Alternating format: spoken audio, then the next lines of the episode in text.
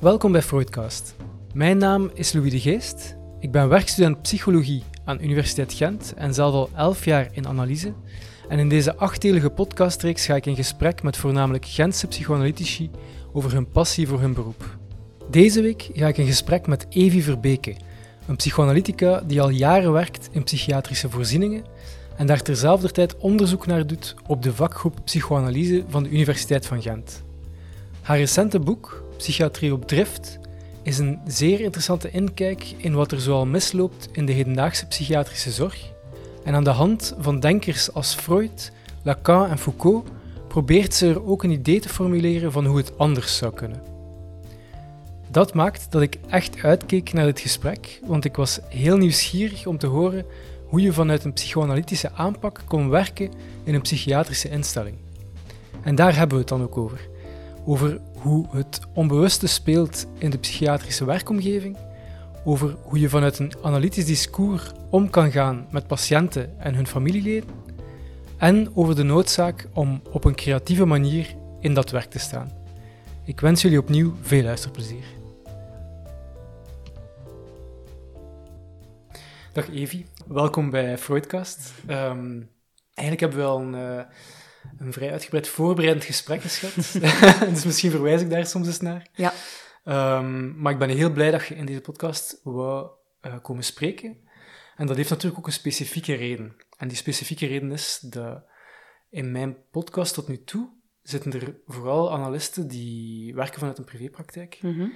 En jij hebt al veel ervaring, denk ik, met het werken in uh, instellingen en de psychiatrie, als mm ik me niet vergis. Ja, dat klopt. Um, je hebt ook recent een boek geschreven, uh, Psychiatrie op Drift. Ja. Um, dat het volgens mij ook zeer goed doet. Uh, en dat, um, dat bovendien voor mij zeer interessant was. Uh, ik heb u eigenlijk al gezegd, maar ik ga het er toch nog eens zeggen. ja, dat voor mij zeer interessant was omdat het erin slaagde om op een heel toegankelijke manier te praten over zowel psychoanalyse als uh, psychiatrie. En wantoestanden in de psychiatrie eigenlijk. Mhm. Mm -hmm. Wat dat toch geen gemakkelijke thema's zijn, alle twee. Het zit altijd nee, nee, complexiteit of zo. Mm -hmm. ja. Het lijkt mij ergens logisch om eerst eens te vragen hoe dat, dat boek ontstaan is, wat dat u heeft doen, wat dat de aandrang heeft doen komen of zo, om dat te schrijven. Well, ik denk dat dat, dat boek is, is ontstaan vanuit die, uh, vanuit die kliniek. Um, omdat ik was gaan werken in de psychiatrie en dat daar niet helemaal liep zoals ik verwacht had dat dat ging lopen. Ja. Um, zijnde dat ik heel veel dwang zag, isolaties, regels, verplichte structuur, heel veel druk om medicatie te nemen. Ik zag dat bij ons, maar ik hoorde dat ook in consequent op andere plaatsen, of op veel andere plaatsen. Ik verschoot daar echt wel heel heftig van. Um, dat bij mij heel haak stond op uh, hoe dat ik zelf naar hulpverlening keek, hoe dat je mensen ontmoet. En misschien vooral ook omdat, nog voor dat boek, dat ik ben gestart met het boek, was ik al een werk gestart op de afdeling uh, waar ik op dat moment aan de slag was, samen met mijn team, om daar dingen te veranderen. Hè, om en we waren daar ook wel hoe in bezig, maar toch merkte ik van hoe moeilijk dat dat is en hoeveel tijd dat dat vraagt en hoe rap dat dat allemaal weer de kop opsteekt. En, en ja, dan dacht ik van, er is hier wel iets dieper liggend aan de hand. Iets dat um, echt aan de fundamenten ligt van psychiatrisch werk, een ja, stukje of zo. Ja. ja, ja. En dat wou ik, wou ik onderzoeken. En omdat, als ik iets niet snap, heb ik terug naar schrijven en lezen. dat, is, dat is een beetje mijn symptoom. Dus um, voilà, op die manier is dat dan, is dat dan uiteindelijk ook een doctoraat geworden en, ja. en een boek. En hoe, hoe, dat is ook niet dat ik nieuwsgierig over ben, hoe maakt je dan zo'n boek? Want in je boek eigenlijk verweeft je echt uh, uh, een soort psychoanalytische kijk op psychiatrie met die wantoestanden die je daar tegenkwam. Mm -hmm. Is dat dan diep nadenken over de theorie of zo? Of, ja. dat, dat zit op heel veel verschillende niveaus, denk ik. Ik heb, uh, ik heb veel gelezen, inderdaad. Uh, veel psychoanalyse gelezen, zowel de basisteksten van Freud en Lacan, maar ook secundaire auteurs over psychiatrie. Sidonie, Manoni, um, Ansermet bijvoorbeeld. Ehm, ik, heb dan, ik heb niet alleen ook op de psychoanalyse mij gesteund. Ik heb ook veel Foucault gelezen. Ook Hannah Arendt is op het einde. En Judith Butler en, en zo. Op, eh, vooral op het einde heb ik die, uh, die auteurs er ook nog bij genomen. Dus ik ben daarin verdiept. Ook wetenschappelijk onderzoek. Um, wat misschien voor de analytica mensen denken, alleen verwachten dat zo niet. Maar ik zag, bijvoorbeeld, dat, die theorie was heel interessant. Maar zo ik zag overal die wantoestand, ik hoor dat overal, maar ik had er geen materiaal voor. In casus wordt dat niet beschreven. Niemand schrijft een casus en gaat er dan een keer twee pagina's in over die isolatie ja. dat gebeurd is.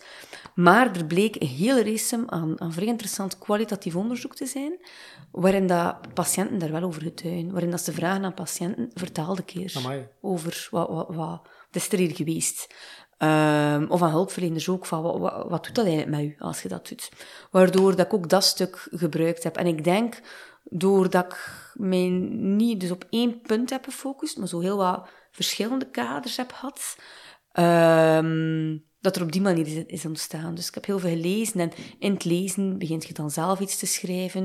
Je snapt niet wat je schrijft, dus je moet weer iets lezen. En zo is dat een zeer, voor mij is dat een zeer levendig ja, ja, ja. iets dat daar, uh, dat daar gebeurt. Ja, ja, dat is, dat is wel echt Ehm, interessant. Ja. Ja. Ehm, wel, als het dan over die bronnen gaat ook, uh, uw, uw boek begint eigenlijk, of misschien niet begin begin, maar toch in het begin van uw boek, heb je het over uh, een tekst van Freud, um, het onbehagen in de cultuur. Aha, ja. Ja, ja.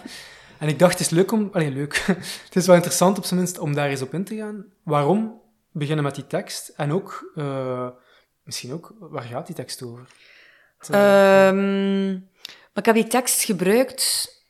Ik, vond, ik vond dat, is een tekst dat ik wel al vaak gelezen heb, van Freud. Dat is een, een zeer boeiende tekst. Omdat Freud daar... Uh, dus is een analyticus, allez, de eerste analyticus, zit vooral in, zijn, in de intimiteit van zijn privépraktijk. Het, het uh, hoort daar uh, dingen gebeuren, maar in die tekst gaat hij bepaalde dingen dat hij daar hoort ook koppelen met cultuur, maar vind ik ook op een bepaalde manier dat Lacan later zou zeggen, op een structurele manier. En gaat hij gaan kijken en, en botst hij op wat dat hij dan noemt, er zit een structureel onbehagen in de cultuur. Er is iets dat tegenwerkt. De driften worden uh, tegengewerkt. Nee, nee, de driften worden niet tegengewerkt, maar je kunt je drift niet zomaar ongebreideld laten gebeuren. Want er is een cultuur die dat tegengaat, om, om samenleven mogelijk te maken, maar er zit ook iets in de drift zelf die, dat, die het complete genot, die de complete, het complete geluk inherent ook tegenwerkt. Dus het is in die zin dat het een interessante tekst is, omdat het een bepaald structureel mechanisme dat blootlegt dat gebeurt vanaf dat er cultuur komt. Dus vanaf dat mensen, vanaf dat mensen taal beginnen gebruiken zijn. Um, ik denk, maar uh, ik ben niet meer 100% zeker, maar ik denk dat het ook in die tekst was, dat Freud voor mij ook wordt heel genuanceerd op, dat, op het stuk van uh, seksualiteit inging. In waarin dat hij afstand neemt van heel moralistische invullingen over seksualiteit. En daarin zegt van, ja, er is... Onze, onze cultuur kan zeer uh, streng zijn op dat vlak en, en um, van alles verwachten van mensen, terwijl eigenlijk... Pff, er is daar heel veel variatie in, om daar niet zo moraliserend in te zijn. Maar... Um, Freud is geen uh, hippie uh, avant la lettre, want Freud zegt er meteen ook bij, toch, toch zit er iets in de seksualiteit dat ik op zichzelf al een rem zet erop. Dus Freud duidt er al op iets van hoe dat de cultuur ons op een bepaalde manier tegenwerkt, maar ga weg van dat idee van, oh ja, maakt cultuur vrij, neemt alle macht weg, neemt alle zever weg en voilà, het, het geluk ja, ligt ja, ja. daar. Um, omdat, die, omdat die rem eigenlijk ook inherent ook in de mens zit. Ja, dus, dat is inherent in onze psyche, die rem. Dat, dat, is, dat, dat, dat maakt ons ook mens. We, we, uh, we verlangen wel dat genot en dat geluk en dat beste voor in ons leven. En, maar die rem zit daar, uh, zit daar sowieso op. En dat is een tekst, vind ik, waar dat, waar dat, heel, dat al heel mooi beschreven staat. En waar het ook bijvoorbeeld is ook in die tekst dat hij zegt, zo het, en de zwaarte dat, waar dat, dat ook mee ons confronteert, uh, dat we daar ook vluchtwegen voor zoeken, bijvoorbeeld in druggebruik. Mhm. Mm -hmm. dus dat is ook in die tekst. En hoe, link je dat, dat dan, hoe heb je dat dan gelinkt aan de psychiatrie? Weet je dat nog? Ja, het is... Um, Het, staat, het stukje waarom dat ik die tekst opgenomen heb, is vooral ook om een beetje te, om te begrijpen ook hoe dat machtsrelaties in de cultuur werken. Want eh, ik, vertrek bij psychiatrie, hè, ik, zei het, het boek gaat rond dwang, maar gaat dus ook rond macht. Hè, wat zijn machtsverhoudingen? En die tekst van Freud is, is voor mij op dat punt ook interessant, omdat het ook ergens de weg opent om over macht na te denken, wat Freud er niet over heeft. Hè. Uh, zo kunnen zeggen, Freud is een pre-wereldoorlogdenker, dus het concept macht zit zo nog niet in zijn systeem, zoals dat er daarna in wel heel veel komt. Um, maar, wat ik bijvoorbeeld net zei over de, die seksualiteit en de rem die daar inherent op zit, toont al zoiets dat het idee dat macht een puur een instantie is die gewoon uh, mensen beteugelt en dat we daar gewoon moeten van afkomen en dat het dan beter is, dat dat niet volledig klopt. Dat, dat, dat, er, dat, dat we ergens bijna een, een inherente machtsrelatie in onszelf al, dat we onszelf beteugelen, hebben. Dat is, we ja, beteugelen onszelf. Wat daarom nog niet wil zeggen dat we moeten zeggen, oh, we beteugelen onszelf, dus wat, laat macht, laat maar komen. Die machtsrelaties, laat ze maar zijn. Het is geen conservatieve lezing, hè, want als Freud ook zegt, bijvoorbeeld in zijn cultuur op dat moment, vindt hij de manier waarop er met seksualiteit wordt omgegaan belachelijk. Um, dus het wil niet zeggen dat daarom de machtsrelaties dat er zijn, dat we, ja, dat we die daarom uh, maar moeten ondergaan. Maar het is wel een beetje tegen het grote bevrijdingsmodel. En iets wat ik ook op een andere manier terugvond bij Foucault. Bij Foucault, die ook aanheeft van machtsrelaties. Maar voor Foucault is machtsrelaties dan nog veel ruimer dan voor Freud. Omdat hij zegt van dat zit doorheen discours, dat, dat leeft doorheen de discours. Dat, um, je kunt dat niet wegdenken op zich, machts, machtsverhoudingen. Mm um, maar ook daarin is dat geen pessimistische lezing. Eh, de manier waarop ik dat gelezen heb, hè, dat ik Foucault en, en, Freud op dat punt in verhouding breng met elkaar, want het is, het is op zich niet, zo, niet de meest orthodoxe lezing, is dat ik denk dat ja, dus die, die drift dat cultuur probeert te beteugelen, daarin kruipen er machtsrelaties. Hè, bijvoorbeeld heel simpel. Uh, het is niet de bedoeling dat je danst op straat, dat wordt een beetje raar ja, aanschouwd. Um, zo allemaal van die regels, zo, hoe gaat het om met je lichaam, hoe gaat het om met, met andere mensen, hoe gaat het om met, met liefde, met seksualiteit. En daar kruipen machtsrelaties in, hè? Dat, dat, op een heel subtiele manier. Maar het is niet gewoon puur de drift wordt beteugeld. Het is net door die drift, doordat we, doordat we um, sukkelen met, met onszelf, dat die machtsrelaties er ook gaan zijn, waardoor dat ik denk dat het er ook in die machtsverhouding wat drift kruipt. En dat die ook soms vreemd zijn en kunnen veranderen. En dat ook elke mens weer opnieuw iets van die machtsrelaties weer kan in vraag stellen, weer kan doen veranderen. Dat, we, dat dat nooit puur een, een, een soort zware instantie boven ons hoofd is die ons plat slaat, maar dat we ook altijd dat er in dat systeem ook iets komt waarmee dat we dat zelf ook weer in vraag Iets ongeregeld zo. Of, ja, ja, ja, ja. er zit ook altijd inderdaad iets ongeregeld daarin. Ik denk dat dat, dat dat de belangrijkste reden was waarom ik die tekst en die tekst aanhaal en die tekst dan ook ga in verhouding gaan brengen met, met Foucault uiteindelijk. Ja, want uw boek gaat dus heel sterk over ehm, macht en dwang. Ja.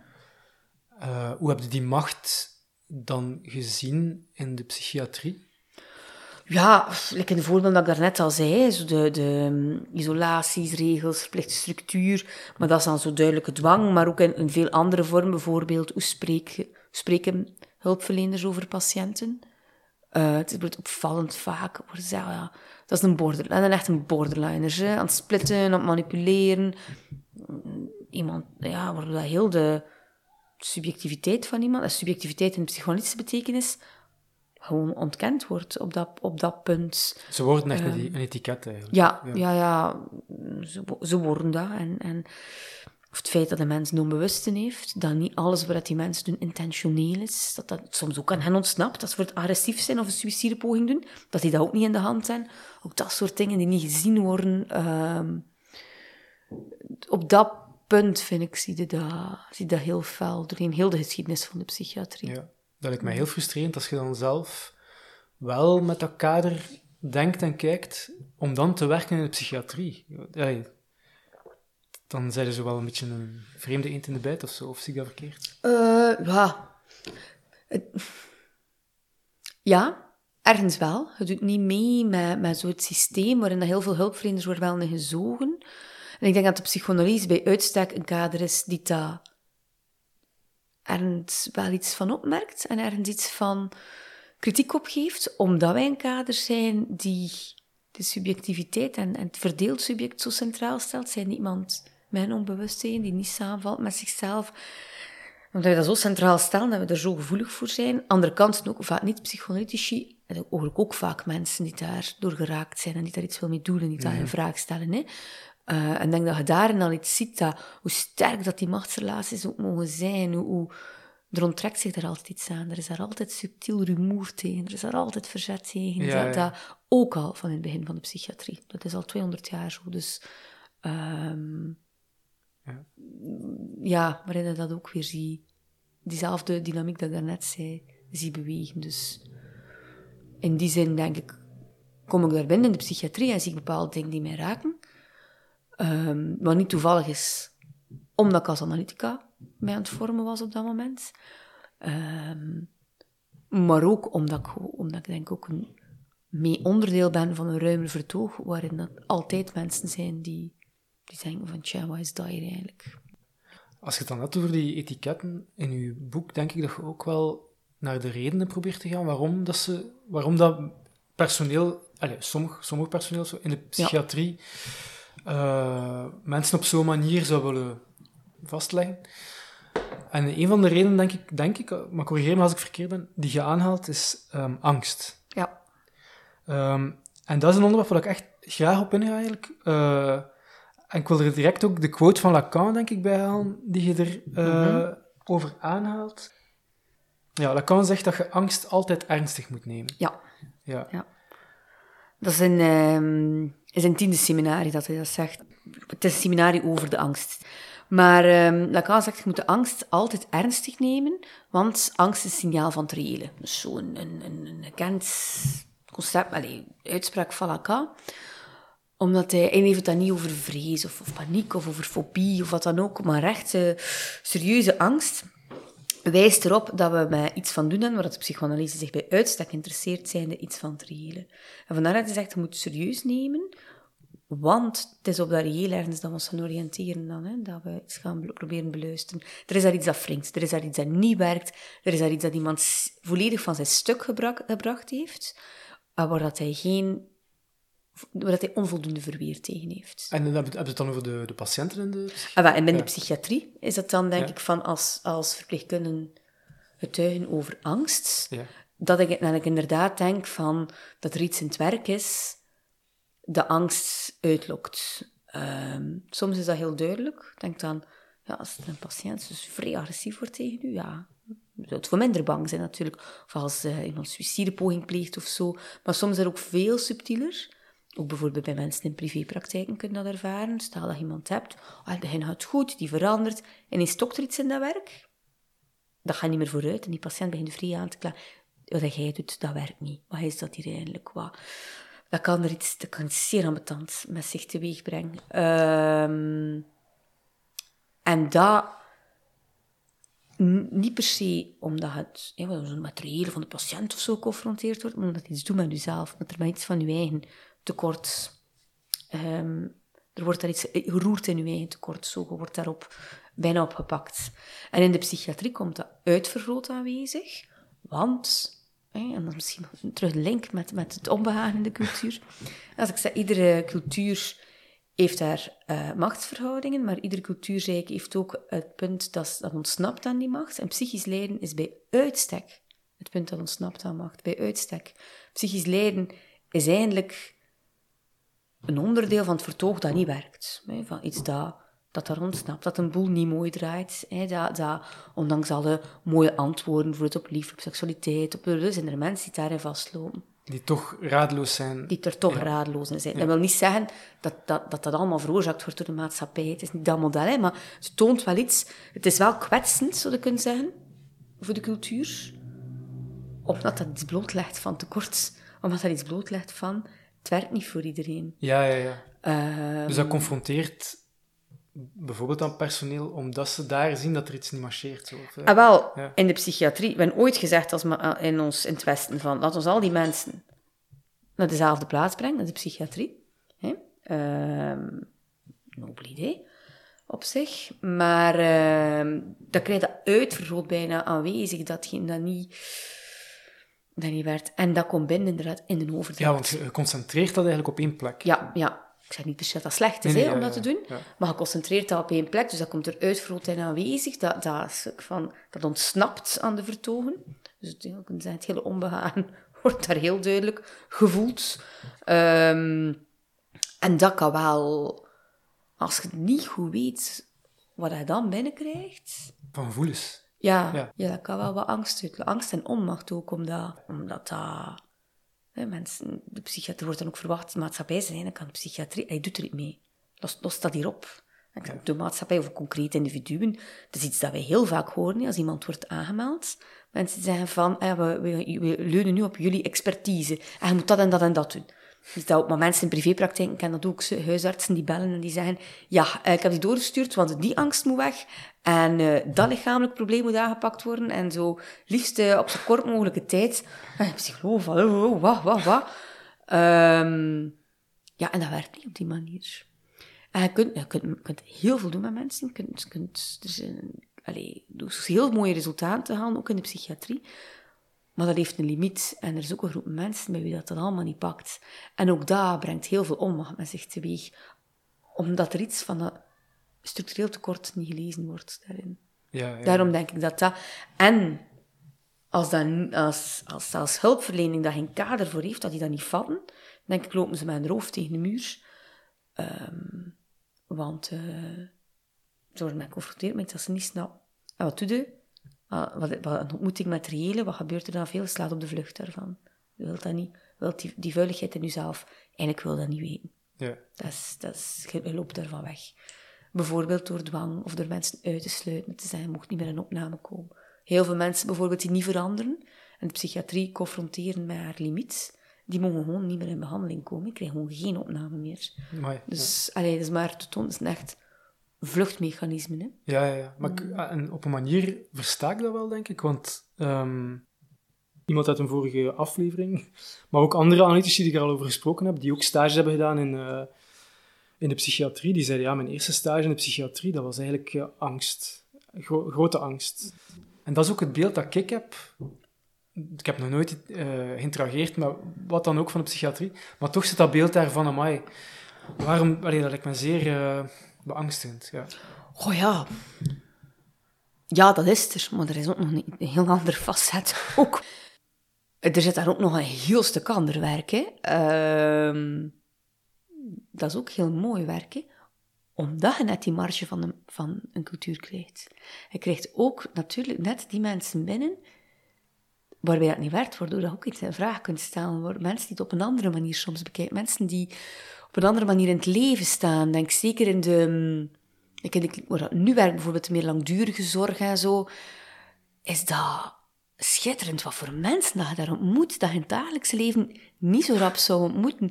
Wat voor interessante verhalen, wat voor eigen manier om naar dingen te kijken. Ik heb er ongelooflijk veel geleerd al van die mensen, maar echt dingen dat ik, dat ik niet in mijn psychoanalyseboeken of in wat dan ook. Of het zou moeten een romans zijn, soms dat je figuren tegenkomt die anders denken. Maar op zich, dat is even schitterend werk in de psychiatrie. hè. De ontmoeting met, ja, met mensen, enerzijds met mensen bij te staan, op, op, hun, op, soms op hun meest kwetsbare, diepste momenten. Iemand mee in een crisis naast iemand kunnen staan, vind ik is, is, is een, ja, is dat, het is heel mooi als je iemand daarin kunt bijstaan, zonder zelf omvergeblazen te worden, zonder helemaal in meegesleurd te worden. En anderzijds ook bij mensen, ik werk ik het in langdurige zorg, ehm, ook heel fijn om, om, ik zei, ja, om die mensen te ontmoeten, dagelijks mee te spreken.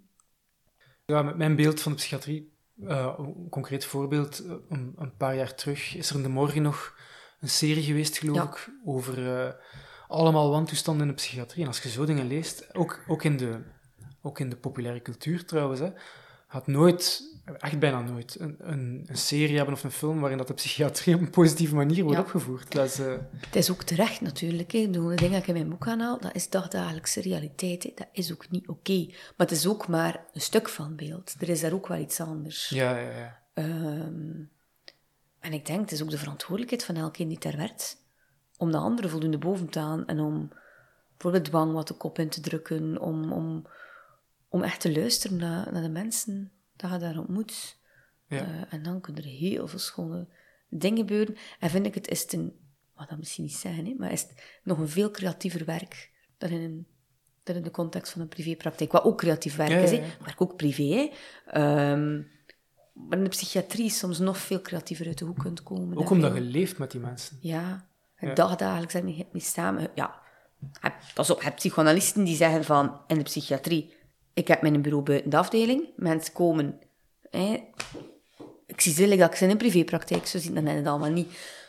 Met andere psychoanalisten, waaronder ook ik, die daar inderdaad echt in leven, die, die je eet samen met mensen, je, zet u erbij, mensen die komen spreken bij u, maar het mensen, had vaak ateliers. Ik heb bijvoorbeeld ook al ateliers gehad. Um, dat is dan meer een soort creatieve therapie bijna? Of, is dat? Nee, ja, dat, dat is al ruim beschreven. Ateliers, ja, is groepsmomenten. Bij, ons zeggen wij altijd, allee, op de afdeling dat ik gewerkt heb, altijd zegt iedereen van, weet je, als een atelier wil doen, doe iets dat je zelf graag doet, dat je plezier in beleeft, en het gaat vanzelf gaan. En dat is ook zo, als je dat ja, bijvoorbeeld bij ons is er iemand die een koor heeft, die dat, die dat trekt, omdat, die doet dat goed. Die, die aan mensen zijn aangesproken door haar hoesting om dat te doen en die komt meezingen.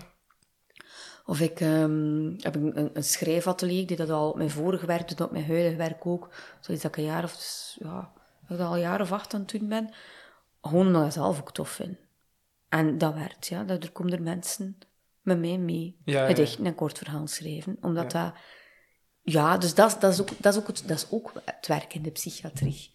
Um, wat een ander soort werk is dan in privépraktijk natuurlijk. Ja, dat klinkt wel als iets waar je voldoende uit kan halen. Ja, ja, dat is, ja, dat is heel fijn. Hè? Mhm. We kunnen ook met iemand die op het moment dat hij begint hallucineren bijvoorbeeld, zeg maar iets, naast iemand gaan zitten en, en mee gaan zoeken om een manier te vinden om daaruit te geraken wat anders is dan iemand die spreekt van, ik heb vorige week afgezien van iets, hè, zo wat meer in de context van privépraktijk is, en wat ook nodig is. Hè.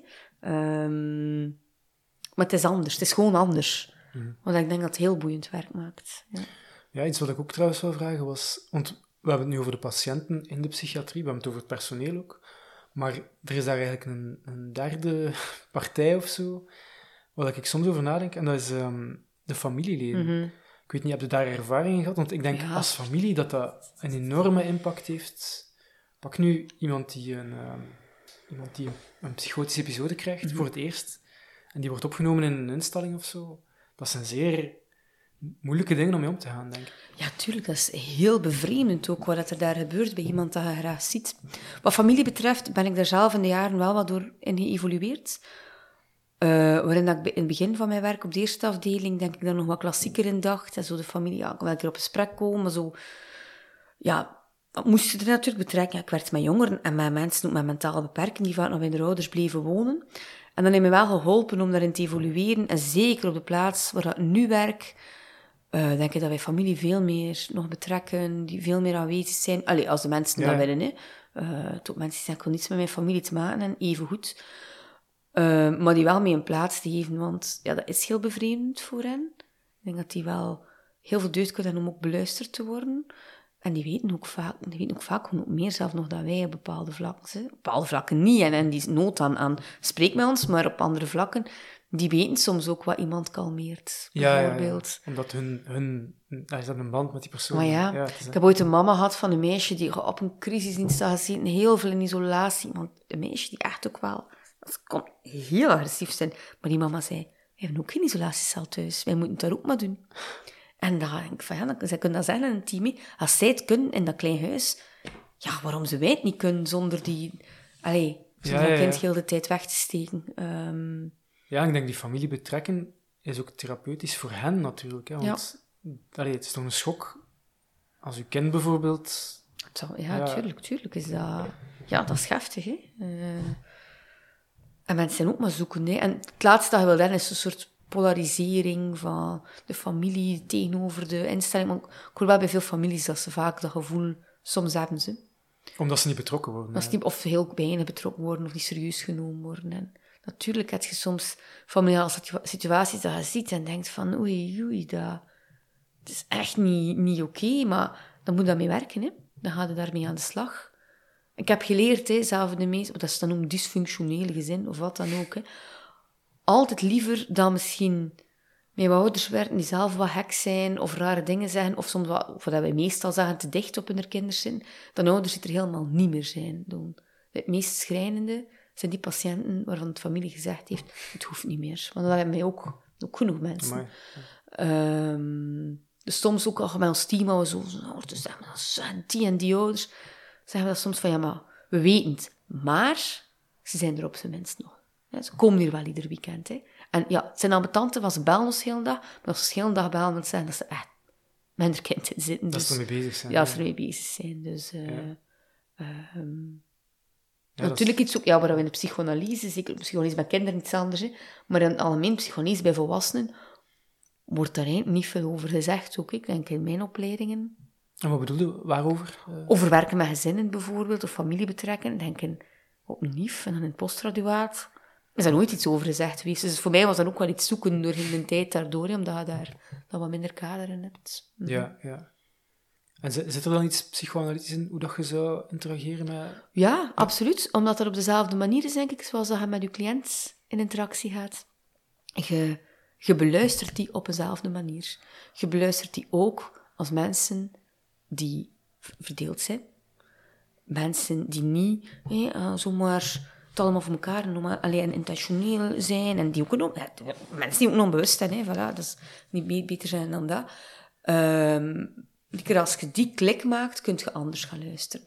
En kun je ook bijvoorbeeld de hekte bij ouders ook ontvangen. En ook naar luisteren. En niet gewoon afdoen als het zijn slechte ouders. Mm -hmm. Doen hun ding niet. Nee, dan beluisterde dat op een andere manier. En dan opent er zich een heel nieuwe weg waarmee je aan de slag kunt met die mensen. Dus daar voor mij, dat is gewoon psychologisch discours, psychologisch haalt daar evenzeer. En die weg, want dat probeer ik nu te, te vatten, dus die, weg opent zich omdat je een bepaalde houding aanneemt of zo. Uh, En wat is die houding dan? Bijvoorbeeld dat klassiek in, in veel klassieke instellingen. Hè? De ouders komen en ze krijgen dan af en toe een gesprek. En dan wordt dat gezien als een soort informatieoverdracht. De ouders geven info aan de psycholoog over bijvoorbeeld dan amnesie, over wat er vroeger gebeurd is. En de psycholoog geeft info aan de ouders en zegt, hier is zo en zo en zo. Dat vind ik een gemiste ontmoeting, bijvoorbeeld. Dat is heel vlak, dat is zonder het onbewust daar een rekening te brengen. Ik vind een echte opening binnen een echte ontmoeting. Ontmoeting gaat je met die ouders ook gewoon horen, bijvoorbeeld van, ja, sava voor jullie, vertel de keer. Hè, zo dat, vertel de keer, gewoon weg. Dat opent al iets helemaal anders. Wat niet wil zeggen dat je geen info moet geven, hè? Ja, ja. maar vanuit welke optiek doe je dat? Bijvoorbeeld, ik heb, ik heb lang gewerkt op een afdeling voor, voor mensen met beperking. Niet altijd, maar veel ouders, heel vaak opvalt, hadden met mensen beginnen te praten, dat die ouders ook aangeven dat ze nog altijd met vrij veel schuldgevoelens bijvoorbeeld zitten. Ik heb een kind met een beperking gekregen. Uh, of schuldgevoelens van, ja, het was geboren. En ik dacht echt van, dit, dit, dit was het niet, dit wou ik niet hebben. Heel mijn beeld aan diggelen van dat gefantaseerde kind dat ik al had. en de ehm, verdeeldheid, omdat je enerzijds wilt houden van je kind en anderzijds toch ontgoocheld zet. Maar ja, ja. dat, dat is iets dat je, dat vaak hoort in die verhalen. Ontvang dat. Hoort dat aan. Zorg dat er daar een spreken kan zijn daarover. Dat mensen daarover spreken, zonder dat je dat beoordeelt. En er ontstaan al veel nieuwe dingen. Um, of met het, het ouders die, als een kind bijvoorbeeld misbruikt is geweest, die precies dat misbruik, zich daar volledig mee identificeren, volledig mee samenvallen, hoort dat ook? Hoort dat mensen daarover, heeft, heeft mensen de ruimte dat ze kunnen spreken daarover? Heeft mensen de ruimte als een kind een eerste psychotische ervaring heeft, van over die bevreemding ook te spreken, zonder dat je meteen toestopt met met van alles van termen. Ja, omdat het niet zou, zou willen horen of zo. Ja, wat niet wil zeggen en niet kunt zeggen, hè, dat is een psychose. Ja, mocht dat ergens wel zeggen. Dat is een psychotische ervaring dat daar komen is. Hè. Nooit zeggen, dat is een psychoticus bijvoorbeeld. Dat, dat zet weer veel toe, maar je kunt wel iets zeggen, maar je gaat vooral ook weer de positie in, innemen van luisteren en luisteren waar zit, waar zit de last van de ouders? Waar zit voor hen het punt dat niet werkt, dat niet marcheert? Dat, dat, ja. En dat doe je eigenlijk door niets toe te gooien, door, door echt gewoon ontvankelijk te zijn ja, voor... Ja, natuurlijk wel eens. Spreek Ja, met mensen. nee, Je moet daar niet eh, blanco gaan zitten en... Ja, zijn. ja. Dat, dat, dat, dat pakt niet in de psychiatrie. Ehm, maar het is gewoon de positie van waaruit dat je vertrekt, denk ik. Vertrekt vanuit de positie van informatieverlening en expert zijn, of vertrekt je vanuit de positie van een soort van... ehm, ook secretaris te zijn van de ouders, hè, van iets aan horen, van iets mee, mee op pad te gaan en, en een compagnon, route zijn, ook van die ouders. Hè. Ja. Dus ja, van een analytische positie vertrekken, denk ik. En is daar de ruimte voor eigenlijk? eh, In... Dat moet je maken, hè. Oké. Oké, ja. moet je maken hè, als, Ja. je, als je in een instelling werkt. Ja. Ehm, uiteindelijk kies je voor een stuk zelf waarop dat je je accenten legt. Hè. Maar hoe doe je... Je kunt bijvoorbeeld zeggen... Ouders mogen hier één uur per dag op bezoek komen. Dat is op de meeste plaatsen zo. Hè. Of kun je gewoon zeggen van... Ja, onze deuren staan hier open. Hè. Ja, ja, binnen Ja. en buiten. eh, als mensen dat willen. Hè. Ja, ja. Ehm, dan creëert dat weer een heel ander effect, bijvoorbeeld. Kunt jij heel simpel, wat wij nu, maar bij ons is het een woonplaats, dat is nog iets anders dan een klassieke afdeling. Hè. Dus ik werk op een plaats waar dat mensen eh, met psychiatrische problemen komen wonen. Hè. Maar als ze zeggen alleen wonen of zo, dat, dat, lukt mij niet. Maar die behandelafdeling, ik heb dat ook allemaal niet meer nodig. Dus dat is een iets andere setting. Hè. Maar wat wij bijvoorbeeld ook doen, is gewoon af en toe een een familieavond of een buurtfeest. En dan komt de familie en dan dan is, dan is dat is ook een ander soort ontmoeting. Hè, van, zet je gewoon soms, zet je dan bij de ouders van iemand, en denkt samen een koffietje, je babbelt, en dan ga ik aan een andere tafel. Dat soort ontmoeting. En andere ouders nodigen echt uit. De ouders die zeggen van, "F, ik blijf maar niet snappen met er gebeurt. Tussen belt mij zo mij tien keer per dag, met de raarste verhalen. En je, ja, een keer kom spreken, ja, oké. En dan spreekt ze wat meer in die besloten ruimte. Dus er zijn veel mogelijkheden, denk ik, om dat, om dat te doen. Ja, ja, ja, ja, ja. Ik wou ook nog een keer stilstaan bij het onbewust. Want het is nu al een paar keer gepasseerd. Ehm, je hebt gezegd dat de drift ehm, toont zich op verschillende vlakken eigenlijk in, ehm, in, die, in die omgeving van die psychiatrie. Mhm. Ehm, en in uw boek vond ik dat daar al een schoon voorbeeld stond, in die zin dat je het had over, denk ik, personeel dat, dat hun... Ze, ze, ze waren zogezegd niet bang voor wat ze meemaakten met de patiënten, maar die angst toonde zich dan wel op andere vlakken. Ja. Bijvoorbeeld een klein administratief werk. Ik weet niet of je daar iets over kunt zeggen, maar ik denk dat ik het niet zo goed uitleg, maar... Ja, ja, dat was een onderzoek van iemand anders, van Ah, ja. Isabel Menzies. ehm, waarin dat zij merkte dat er heel veel schrik plots kwam van bijvoorbeeld bij, bij, bij verpleegkundigen, het was in een algemeen ziekenhuis, over, die ook zeiden, de domste zaken, zoals mijn administratie heeft niet op tijd af, of ik heb iets zij gevuld, of, of mijn uren kloppen niet. Hè. Al van die zeven inderdaad, waar dat mensen zich zorgen in maken. En dat is zo een typisch, en zo een, een typisch symptoom, vrees. Hè, is dat? dat is geen angst meer, maar dat is vrees. Vrees als een soort symptoom wat toont dat er iets van de angst verdrongen is. Hè? Dat, dat, nou, allee, een soort terugkeer van het verdrongene. Dus het onbewuste zich daar in die vrees. Hè? Het zal op niets slaat eigenlijk. Ja. Dat is een aangrijpingspunt van... Het gaat hier eigenlijk om iets anders. Er is hier eigenlijk... Ah en, en dan... De grootste fout dat je dan kan maken is natuurlijk helemaal blind staren op die vrees. Oh, we gaan dat wegpakken en we gaan... Hé, hé. En analytici zeggen dan, let op, hè, symptoom, ja, goed beluisteren, maar niet op blind staren. Gewoon symptomen wegknipt. Dan, komen er verschuiven wel, ze. dat verschuiven ze, dan komen Ja. er gewoon andere symptomen elders te ontstaan. Hè.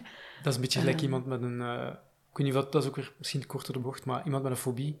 Maar Die- ja, Voilà, vrees en fobie, die vrees die daar beschreven staat, is, is, is dezelfde functie, like een fobie. Hè. Het is ook Ja. een vrees die... Waar de mensen zelf ook weten niet dat het op niets slaat, maar het draait eigenlijk om iets anders. Hè.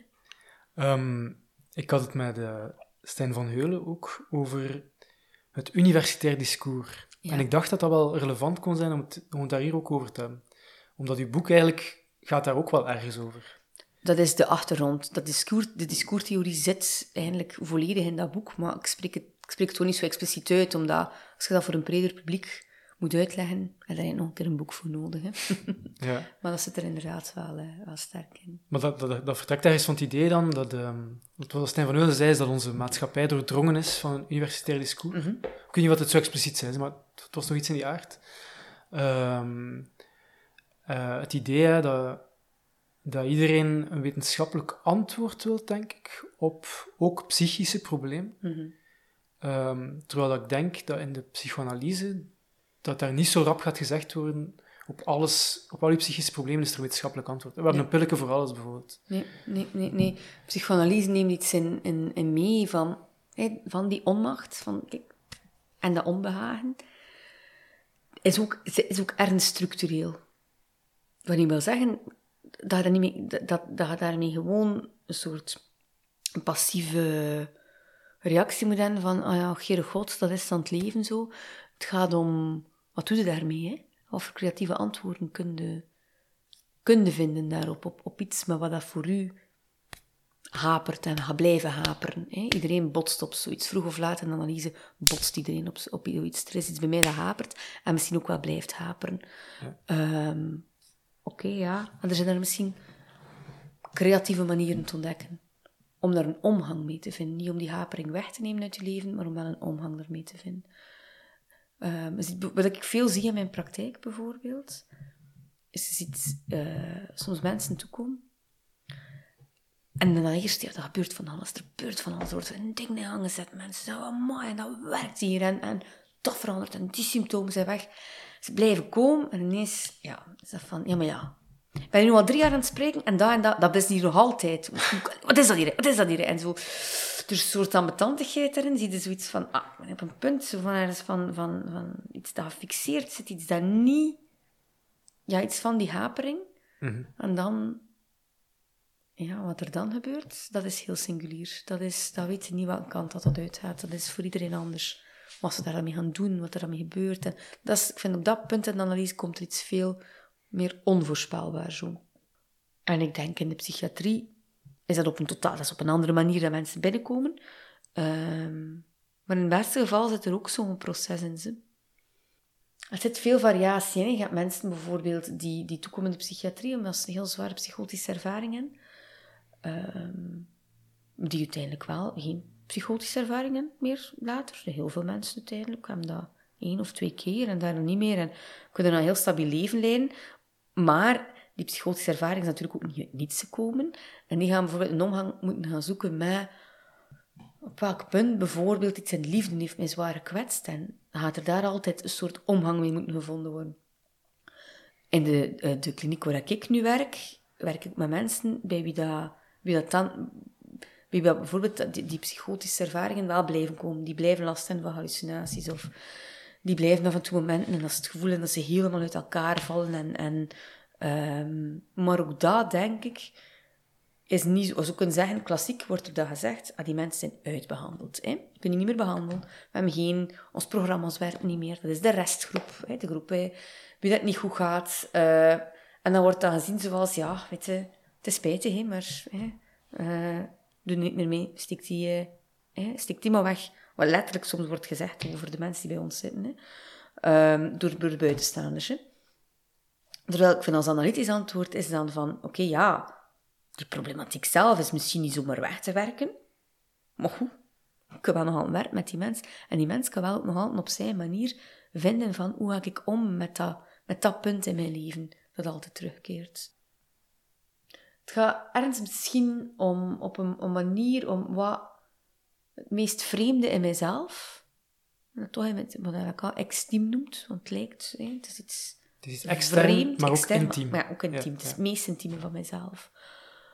Ondanks dat ik dat heb, kan ik er wel iets mee aanvangen en kan ik nog altijd wel iets met mijn leven doen dat vrij interessant kan zijn. Ja. Ik sta bijvoorbeeld ook, denk, eh, bijvoorbeeld sommige mensen die blijven sukkelen met psychose, daar uiteindelijk iets in, in de kunst, via kunst mee gaan doen, bijvoorbeeld. Hoe, hoe doen ze dat dan? Of, Maar je hebt mensen die, die bijvoorbeeld blijven de psychotische ervaring hebben en die in kunst omzetten. Dat gaat die psychose voor die mensen niet altijd volledig wegnemen, maar op een bepaalde manier krijgen ze een andere verhouding tot die psychose. Het is niet meer enkel iets dat er volledig overmand, het is ook iets dat creatief wordt uitgebeeld. Hè. En het geeft hun er bijvoorbeeld een manier om terug soci- in sociaal contact, contact te treden met anderen. Eh, een soort mechanisme dat je bij heel wat mensen ziet Ja. zich gebeuren als een vorm van herstel, als een vorm van, ja, of ze in de psychologie noem- zou noemen, een symptoom. Niet Ja. een symptoom, maar een symptoom. Ja. Een, een woord dat Lacan later in zijn onderwijs gaat gaan gebruiken als een manier vinden om iets van dat dus reële, symbolische en imaginaire te verknopen, maar op een heel unieke manier. En dan neemt dat lijden daarin niet per se altijd weg, maar zorgt er wel voor dat je je eigen creatieve manier vindt om er anders mee om te gaan en om een manier te vinden, ondanks het lijden ook, dat je bijvoorbeeld in de sociale band kunt staan. En dat je inderdaad wel een stukje identiteit ook hebt, maar identiteit is daar maar een onderdeeltje van. Hè. is, is één van de dingen eh, daarvan. Wat ik daar sowieso ook fascinerend aan vind, hè, psychoanalyse is, eh, is iets dat gekend is als iets dat eh, een, een spreekkuur is. Ja. Terwijl dat je nu benoemt, bijvoorbeeld iemand in een psychose die, ik zeg maar iets via tekeningen, zichzelf uitdrukt en zoiets iets Ja. vindt dat toch steunt of zo. Eh, ja, dat, dat is apart, want dat is, dat is zonder woorden eigenlijk. Hè. Ik zou verschil maken. Ik persoonlijk, ik zou nooit zeggen dat, dat psychoanalyse een spreekuur is. Ik weet dat de meeste mensen dat zeggen. maar Ik zeg zou- dat, ik weet niet of de meeste mensen dat Ah, zeggen. ja. Ik zou dat nooit zijn. Ik denk wel, de psychoanalyse gaat over taal. De psychoanalyse is taal wel belangrijk. Maar taal ook als het feit van, we werken met betekenaars. Maar die betekenaars niet per se... Of dat, loopt, dat proces loopt niet per se onder het klassieke geen- en weergesprek. Hm? Als iemand tekent, is die te- tekening ook vaak een tekening met een bepaalde betekenaar. Is dat iets dat... En dan wordt er over gesproken. Soms, soms ook niet, maar over die tekening tegen elkaar. Er zit... Dus dat talige zit daar sowieso. Het is vanuit die taal dat wij vertrekken. Wij gaan niet... Een analyticus gaat nooit de tekening van een psychoticus pakken. Of toch een Lacaniaanse analyticus of analytica niet. En zeggen, ah kijk, die heeft hier bijvoorbeeld iets zwart getekend. Dus het, eh, dat duidt erop dat hij met zwarte en donkere inhouden bezig is. Wat velen wel doen, hè. Dus dat, is, dat is uit op het imaginaire. zit. Dat is, teken, en een teken voor iets anders. Dat is niet interessant voor ons. Daar zijn wij niet mee bezig. hè. Die mens creëert iets en we gaan zien hoe dat met die mensen zit. In die creatie bijvoorbeeld iets dat die ondersteunt, dat gaan we dat gaan stimuleren. En soms gaan ze daarover beginnen spreken, dat kan. En is er in dat spreken, hè. maar die, die, die is, is, een, is geen teken voor een onderliggende realiteit, maar is een betekenaar. Dat is iets wat de mens aan het doen is op dat moment. En in die zin, ja, ga je dan nu iemand al een uur laten overbabbelen of niet? Sommige mensen heel, heel goed dat ze er veel kunnen over babbelen. Voor andere mensen laat ze maar rust, laat ze tekenen. Hè. Als dat iets is dat stabiliseert op dat moment. En creatieve therapie, is, dat zit vaak in de psychiatrie, zeker? ja. Ja. Ja, maar ook daar weer, ook weer vanuit welke positie start dat. Heel veel afdelingen en dan zo een, een schoon therapieprogramma. Dat zit dan van 's ochtends tot 's avonds gevuld. En al die gasten moeten daar zo allemaal heel de dag door therapieën volgen. Allemaal zo heel afgeleid, soms zelf zo, zo zot, dat de psycholoog beslist wat de therapeut moet geven in een programma. Dat, dat vind ik, dat werkt niet.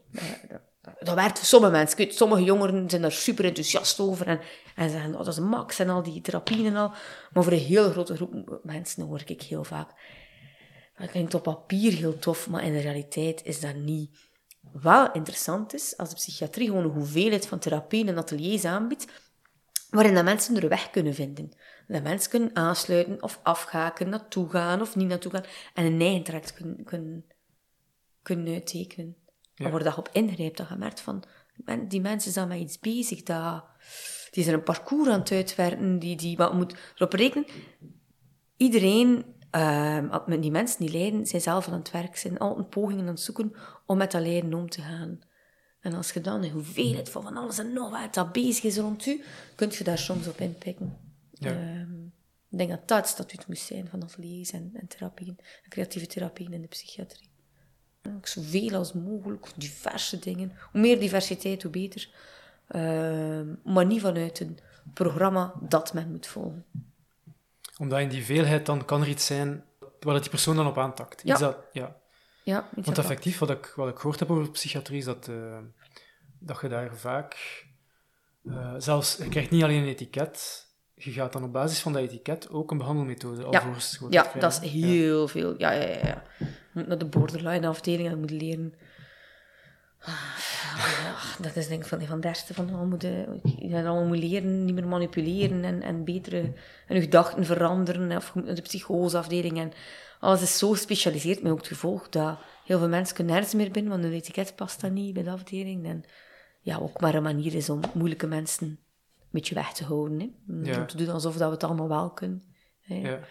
Ehm, maar dat is niet zo interessant. Ik denk dat het is veel interessanter om uw afdeling zo, of de plaats waar je werkt, moetingshuisafdeling, woonplaats, wat dan ook, zo in te richten dat mensen zelf ja, de keuze om aan en af te haken. Hè. Dat is dat, als ze zo... Je moet wel prikkelen, hè. Maar bijvoorbeeld door, als je aan het koken bent, laat de deur open, het ruikt lekker, mensen komen, oh, wat, is, wat gebeurt er hier? Hè? Kom iets mee eten. Ga weer weg. Hè? Dat, dat, tekenen, mensen komen plots binnen, dat, dat, dat is wel interessant, wat dan ziet gebeuren. Hm? Je laat eigenlijk ruimte voor spontaniteit ergens. Ja, ja, zeker ook. Je kunt ook werken, de twee, het, het, het je kader. Bijvoorbeeld als ik ehm mijn schrijfatelier geef, dat is wel een bepaald kader doen. Iedere, nu is dat een dinsdag bijvoorbeeld, iedere dinsdag om dat uur wordt er, schrijf ik. En dan komt er daar meestal een vrij vaste groep op af die meeschrijft. Maar af en toe springt er iemand binnen die geen Nederlands kan, en laat ik die tekenen. En dan tekent hij, en dan heeft hij haar tekening, en dan begint de rest een gedicht te schrijven over die tekening, snapte? Dus dan gebeurt er ineens weer iets. Ehm, en soms stimuleert dat mee. Bijvoorbeeld, eh, je kunt mensen die, iemand die bijvoorbeeld, als je zegt van, goh, die de mensen bijvoorbeeld, we zien dat die toch wel graag tekent. Doet Van, om nu een keer proberen gewoon te vragen van, kunnen, ik heb in de wit blad, ik iets op mijn bureau aan, ik weet niet wat, kunnen tekening maken. Dus dat hij een hang schiet, of dat hij trots ineens is, dat hij kan tonen, dat is hier van mij, ik heb hier iets gedaan. Weer ingeschreven op een bepaalde manier in de sociale band. Van, ja, veel van onze mensen, we ontmoeten bijvoorbeeld, raken niet zo vlot ingeschreven in de sociale band. En zo ontsta- ontstaat er van alles. Zo, ja, je laat veel ruimte voor spontaniteit, maar je zoekt ook echt van hoe gaan wij, op wat dat er voor die mens helpt, kunnen we inspringen, kunnen we inspelen, kunnen we ondersteunen. En dat denk ik, als je al van die optiek vertrekt en op die manier kijkt naar mensen, ga je al veel minder dwang in, één keer. Ja, omdat aan het begin, we ja. daar begonnen, Ja. even terug naar de- gaat het al, och, dat zakt al heel hard, als dat al uw manier is van kijken naar mensen. Is dat dan wat dat je zou meegeven aan studenten? Want ik vraag mij af, er zullen veel studenten zijn die in de psychiatrie een stage doen. Zeer zeker. Misschien ikzelf, ja, wie weet. Ehm, ja, wa- wat zou dan hen zeggen eigenlijk? Eh, of wat zou dan meegeven eh, voordat ze eraan beginnen? Ja, ehm er is veel om mee te geven, hè, maar dat is misschien vooral dat ze hun blik van verwondering niet, niet kwijtraken. Dat ze kunnen verwonderd blijven door waar ze zien, dat ze niet direct in de val lopen van zich weg te steken achter van alles. En ja, zich naast de mensen gewoon gaan zetten dat ze ontmoeten. Letterlijk en figuurlijk. hè. En, en dus dat iets van dat analytisch discours van iemand te blijven beluisteren. Van daar te blijven staan. Om dat, om dat vast te houden. Zonder te geloven dat je die mensen hebt begrepen. Hè. Dat, je dat, Ja. Mm. En wat met angst? En daar zult je zal elk eh, een eigen omgang moeten mee vinden. Ja. Loopt er niet van weg. Je moet u, als ik al zei het ooit in een interview, moet u stalen tegen de angst. Dat is, dat is, dat is part of the job. Als je kiest voor deze job, maar ja, dat is ook in de privépraktijk. Dus het komt gewoon soms wat minder massaal binnen, maar dat is gewoon, dat is de verantwoordelijkheid die je hebt als je, als je voor deze job kiest. Ja. In eh, de vorige aflevering ging het vooral over wat met studenten die, die later eh, een eigen privépraktijk beginnen. Ehm, maar jij zou dan waarschijnlijk ook zeggen, het kan ook een zeer schone carrière zijn om in instellingen ja. in de zorg te gaan werken. Natuurlijk. Dat, dat. En het lijkt, mij, het lijkt mij ook ergens goed als student. Begint daar ook sowieso. Eh, en dan zie je wel of dat je er blijft, of dat je dan toch voor je privé gaat. Allee, wegen genoeg om in te slaan, hè, maar het kan u maar deugd doen, denk ik, om, om eerst in de context van een instelling te beginnen. Of ook van een CGG of zo, maar iets met een bepaald kader op zijn minst. En niet per se zo snel in een privépraktijk te schieten. ehm. Omdat je daar dan ook eerst wat ervaring op doet die je kunt gebruiken Maar later. ja, zeker. zeker. Ehm het goede ervaring opgewerkt, ook binnen een bepaald kader. Je hebt ook collega's om mee te spreken. Je hebt- ik denk dat dat... En ik denk ook echt wel... Philippe Gerardijn heeft dat ons ooit aangeraden. Van, van, je moet daar eens een, een, een ontmoeting hebben met de psychose ook. Ook in, de instellingen met de psychotische crisis. Ehm, dat is heel vormend als analyticus of analytica. Dus ik zou dat iedereen ten zeerste aanbevelen. En je mocht ook schoppen tegen kaders. Hè. Hebben ons Ehm, wat je meekrijgt in de psychoanalyse is, niet, is geen toepassingsmodel per se. Als je dingen ziet gebeuren waarvan je denkt van, oh la la, hier, het onbewuste sluit zich hier, omdat het gesloten wordt hè, door, door het systeem. Ja, gaat er tegenin. Hè. Je bent geen slachtoffer dat is het, van het systeem. Dus dat ik in het begin al zei, van, we zijn allemaal onderworpen aan macht, maar we perverteren die macht altijd opnieuw. Je bent niet per se slachtoffer van een systeem. Het ene systeem is moeilijker om in te werken dan het andere. Je gaat me dat nooit horen ontkennen. Maar je bent niet enkel slachtoffer, je bent ook altijd degene die het mee kan veranderen. Dus ook dat is, kan een warme oproep zijn. Hè? Ja. Mm. Ik denk dat dat een mooie boodschap is om ja. uh, op te eindigen. okay. maar ik wil je dan vooral bedanken en uh, ik hoop dat veel studenten hier naar luisteren. Oké, okay, merci.